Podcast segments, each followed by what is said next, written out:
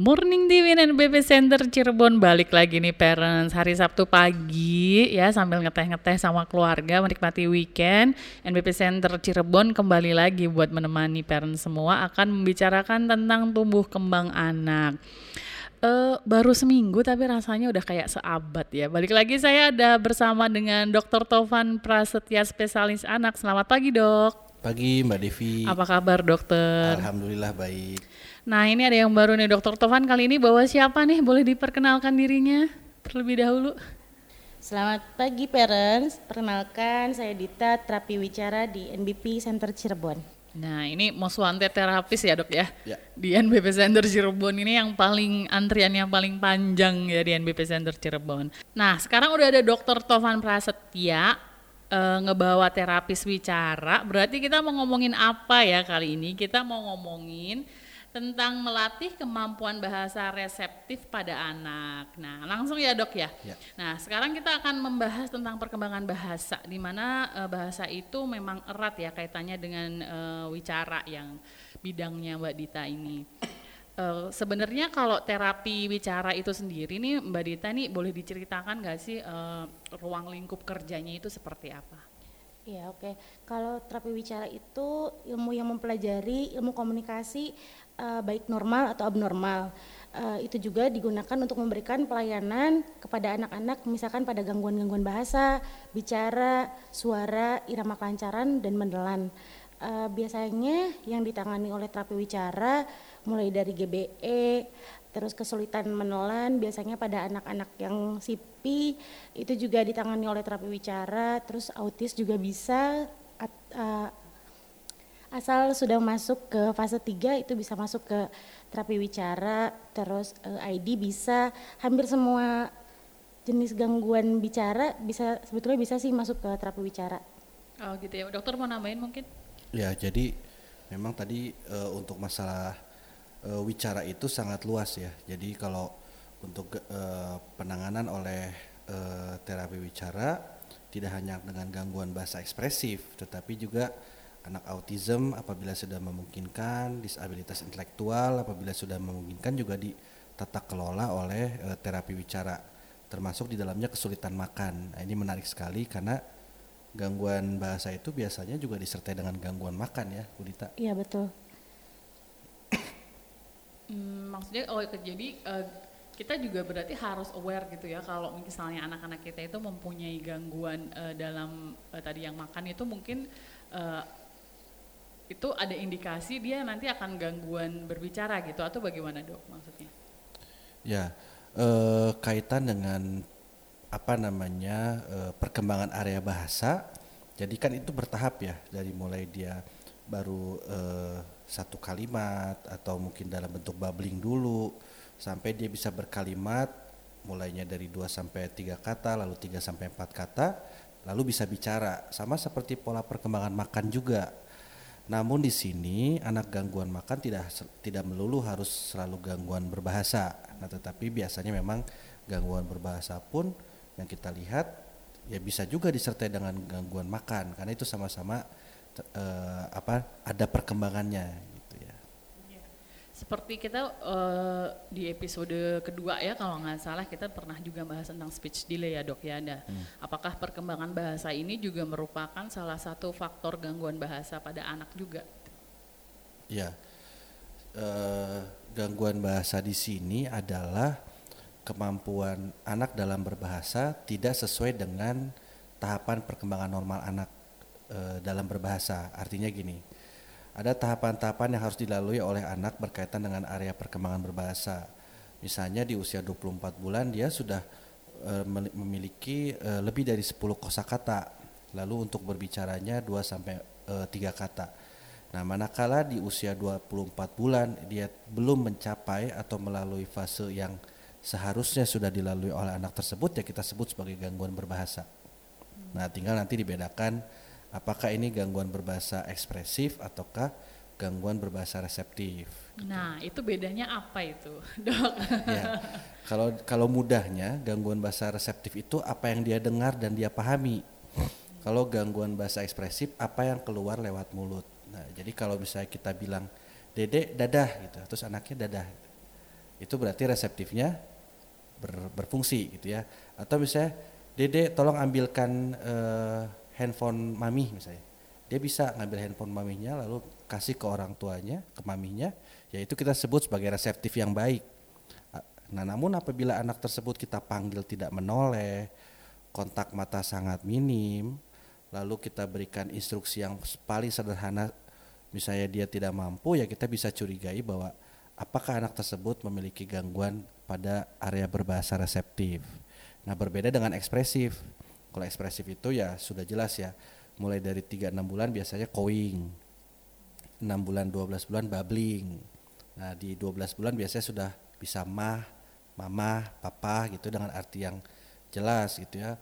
Atau bahkan di 24 bulan udah banyak kalimat yang bisa keluar lewat mulutnya. Nah, itu mungkin eh, area berbahasa di ekspresif. Namun misalnya di usia 24 bulan aja dia belum bisa berkalimat gitu ya, sangat minim kosakata, ya itu kita bisa sebut sebagai eh, speech delay kaitannya dengan gangguan berbahasa.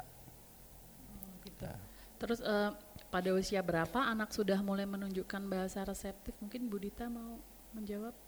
Ya perkembangan bahasa reseptif pada anak itu sebenarnya udah bisa dilihat di usia tiga bulan. Anak kalau misalkan diperdengarkan suara yang kencang anak udah mulai mencari-cari nih di mana nih suaranya. Terus eh, di usia enam bulan juga biasanya sih anak kalau misalkan dipanggil oleh orang terdekatnya biasanya udah mulai nengok.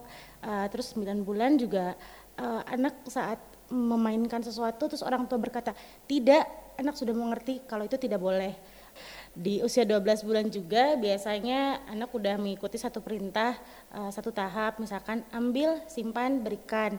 Eh, lalu anak juga memberikan perhatian kepada buku atau mainan selama dua menit.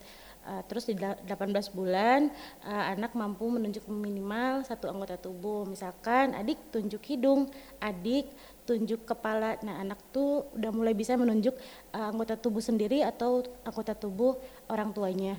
Uh, di usia 2 tahun ini udah makin banyak. Anak juga udah bisa menunjuk dua gambar terus uh, mulai mengikuti mengikuti instruk instruksi dua tahap lalu memahami 50 kata di usia 22 tahun. Eh, misalkan eh, anak udah di udah bisa bilang eh udah bisa nunjuk buku eh, baju celana pensil benda-benda yang di sekitar dia udah mulai paham Ya, jadi eh, tadi gambaran milestone-nya ya dok ya, Ya, kayak umur berapa betul. harus sudah bisa ngapain. Nah kalau misalnya eh, anak-anak ini tidak melewati tahapan dari perkembangan tersebut, itu dampaknya gimana dok ke depannya? Ya, eh, untuk masalah bahasa sendiri, memang dampaknya eh, terhadap akademik dan sosial. Jadi eh, sudah banyak memang literatur yang mengatakan atau membuktikan bahwa anak eh, dengan kesulitan belajar, eh, misalnya kesulitan belajar spesifik, itu memiliki faktor risiko gangguan bahasa ekspresif sebelumnya, atau mungkin anak dengan eh, disabilitas intelektual atau autism dia memiliki resiko kesulitan belajar secara umum. Nah, lalu anak dengan gangguan bahasa juga jarang sekali yang tidak cuma bicara doang gitu ya, tetapi ternyata dia bisa disertai dengan gangguan perilaku, ya, gangguan interaksi, bahkan itu menjadi kendala buat anak tersebut berinteraksi di usia sekolah misalnya, baik itu dengan gurunya atau dengan eh, teman sebayanya. Jadi memang nggak boleh di apa ya diabaikan ya dok Oh ya, iya. ya itu. Penting sekali memang berbahasa ya. Iya kesannya mungkin kan masih banyak eh, mitos fakta ya nggak apa-apa deh nggak apa-apa deh nanti Hmm. juga bisa nanti juga bisa tapi sampai bahkan sampai ke kecerdasannya juga nanti akan akan ber, berefek ya di di masa Iya, yang akan betul. datang. Nah sekarang saya pengen nanya nih sama Mbak Dita kalau selama ini pasien-pasien di NBP Center ini yang ditemui banyak kan gitu diagnosisnya apa Mbak Dita? nah biasanya paling banyak itu gangguan bahasa ekspresif nih mbak Ya, gangguan bahasa eks- ekspresif. Nah, terus kalau eh, dalam proses terapi gitu kan pasti melibatkan orang tua juga ya, ada edukasi. Nah, itu eh, kendala yang dihadapi gitu selama terapi eh, atau edukasi dengan orang tua itu eh, apa?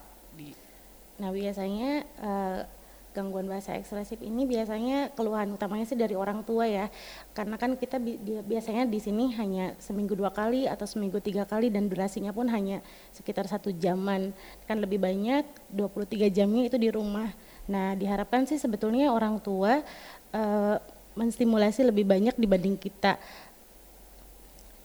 Ya, jadi memang makin banyak dilakukan uh, latihannya atau di, makin banyak dilakukan uh, apa namanya intervensinya ya hasilnya akan lebih baik gitu. Jadi biasanya teman-teman terapis kita itu memang hanya 50 menit kurang lebih tapi biasanya uh, akan memberikan PR pada orang tua untuk banyak yang bisa dilakukan juga di rumah ya. Iya, betul. Tidak tidak hanya uh, pada saat di tempat terapi tapi pun untuk di rumah biasanya orang tua diberikan apa namanya saran-saran uh, untuk apa yang bisa dilakukan di rumah secara sederhana ya. Ya karena kita juga kasih buku komunikasi ya Bu Dita ya, ya. gitu. Ya, Jadi uh, apa yang PR-PR gitu nanti hmm. yang harus dilakukan orang tua di rumah hmm. apa. Nah, kalau contoh aktivitas sederhananya apa nih yang yang bisa dilakukan untuk ngelatih bahasa resep reseptif ya pada anak? Itu seperti apa e, Mbak Dita bisa dijelaskan mungkin beberapa Kalau misalkan contoh. di rumah itu banyak sekali. Uh, kita bisa menggunakan benda-benda yang di rumah atau miniatur, poster, gambar itu juga bisa. Dimulai sih biasanya pakai instruksi yang paling sederhana.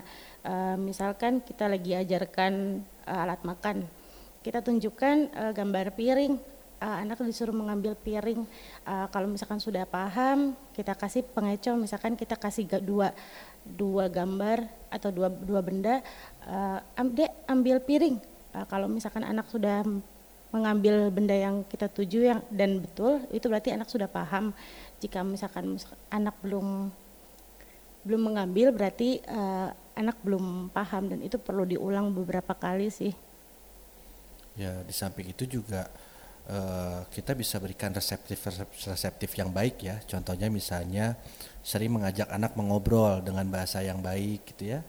Itu juga uh, apa namanya sepertinya cukup uh, membantu juga atau mungkin sekarang dongeng ya. Dongeng itu juga biasanya sudah jarang sekali orang tua mau melakukan ya. Uh, padahal itu uh, hal yang bagus sebenarnya untuk memperbanyak khasanah bahasa pada anak ataupun mungkin uh, apa namanya membantu anak juga untuk uh, uh, apa mengenal kata-kata yang baru mungkin gitu.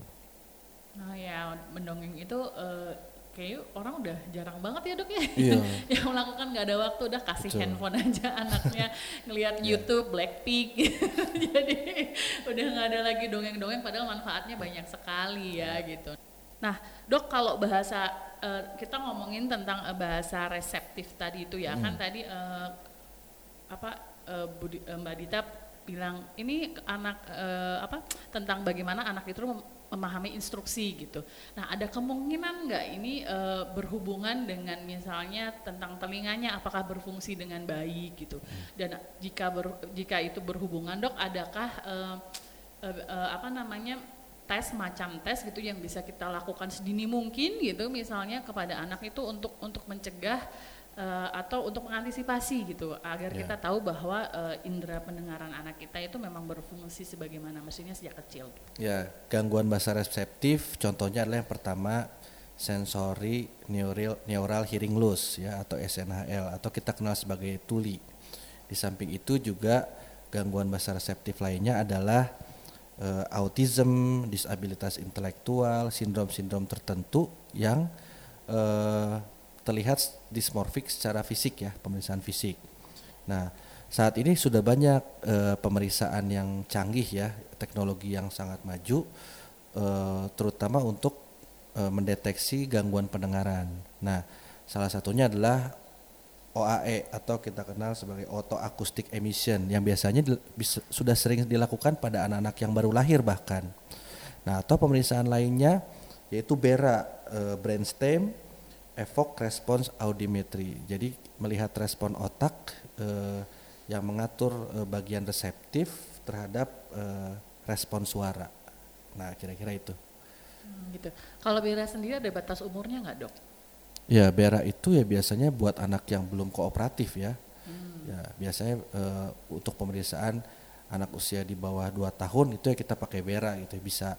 Tetapi anak yang misalnya cerebral palsy ya atau sindrom tertentu yang memang belum ada uh, bentuk bahasa dan belum uh, bentuk kooperatif ya kita lakukan pemeriksaan BERA ya. Gitu. Jadi seperti itu ya gitu. Jadi bisa bisa dicek ternyata ya dok ya uh, fungsi uh, pendengaran anak yeah. kita bahkan dari ba dari baru lahir pun. Yeah. Nah Uh, sepertinya untuk pembahasan tentang bahasa reseptif ini bisa kita sudahi ya untuk episode ini karena kita masih ada satu bahasan lagi tentang uh, bahasa ekspresif nih yang akan kita kupas tuntas di episode selanjutnya karena tadi uh, Bu Ditanya juga udah mention pasiennya paling banyak tuh di gangguan bahasa ekspresif. Gangguan bahasa ekspresif itu apa sih? Nah, sabar dulu di episode mendatang akan kita bahas. Nah, sekarang Dokter boleh dok closing statement tentang um, bahasa reseptif kali ini dok? Ya bahasa reseptif bisa dikenali bahkan sejak usia tadi lima minggu ya dengan gambaran sebagai senyum sosial. Lalu kita juga bisa mestimulan uh, reseptif uh, untuk anak-anak sedini mungkin baik itu dengan bentuk orang tua mengajak komunikasi aktif atau mungkin orang tua bernyanyi atau mungkin dalam bentuk dongeng. Nah, itu reseptif yang paling sederhana bisa dilakukan sedini mungkin untuk anak-anak khususnya di usia emas ya. Mbak Dita mungkin ada? Ya, jadi stimulasi yang sering dilakukan oleh orang tua juga sangat mempengaruhi pada perkembangan anak sih. Ya, jadi tidak uh, lagi ya dok, kembali lagi ya, ya tidak hanya diserahkan uh, kepada terapis saja, ya. karena anak menghabiskan waktu paling lama itu bersama keluarga dan orang tua gitu. Hmm. Jadi semakin sering stimulasi dilakukan di rumah bersama orang tua, perkembangannya hmm. pun akan improvementnya pun akan uh, lebih lebih, baik, lebih ya. baik ya dan lebih cepat. Oke, terima kasih Dokter Tovan, terima kasih Mbak Dita atas waktunya untuk hari ini, ilmunya sangat uh, bagus, nambah wawasannya ternyata uh, bahasa itu banyak jenisnya yeah. gitu. Tahu saya mah cuman ngomong doang udah gitu. Anak antara bisa ngomong sama belum bisa ngomong aja udah ternyata ada res reseptif, ada ekspresif banyak banget. Oke okay, parents, jika parents uh, seneng nih dengan obrolan-obrolannya di NBP Center Cirebon. Jangan lupa ya untuk follow Spotify kita dan juga follow Instagram kita di @nbpcenter.cirebon. Nah, kalau misalnya ada uh, pertanyaan atau pengen curhat nih sama Dr. Tovan, sama Mbak Dita atau dengan profesional kami yang lain, boleh juga uh, eh, DM Instagram kami atau kirim email ke nbpcenter.cirebon@gmail.com. Pertanyaan beruntung akan kami jawab langsung dalam uh, segmen apa namanya tanya-tanya skui. Tanya-tanya skui ya. Well we'll see you again next week. Saya Devi. Saya Tovan. Saya Dita. Bye. Bye. Goodbye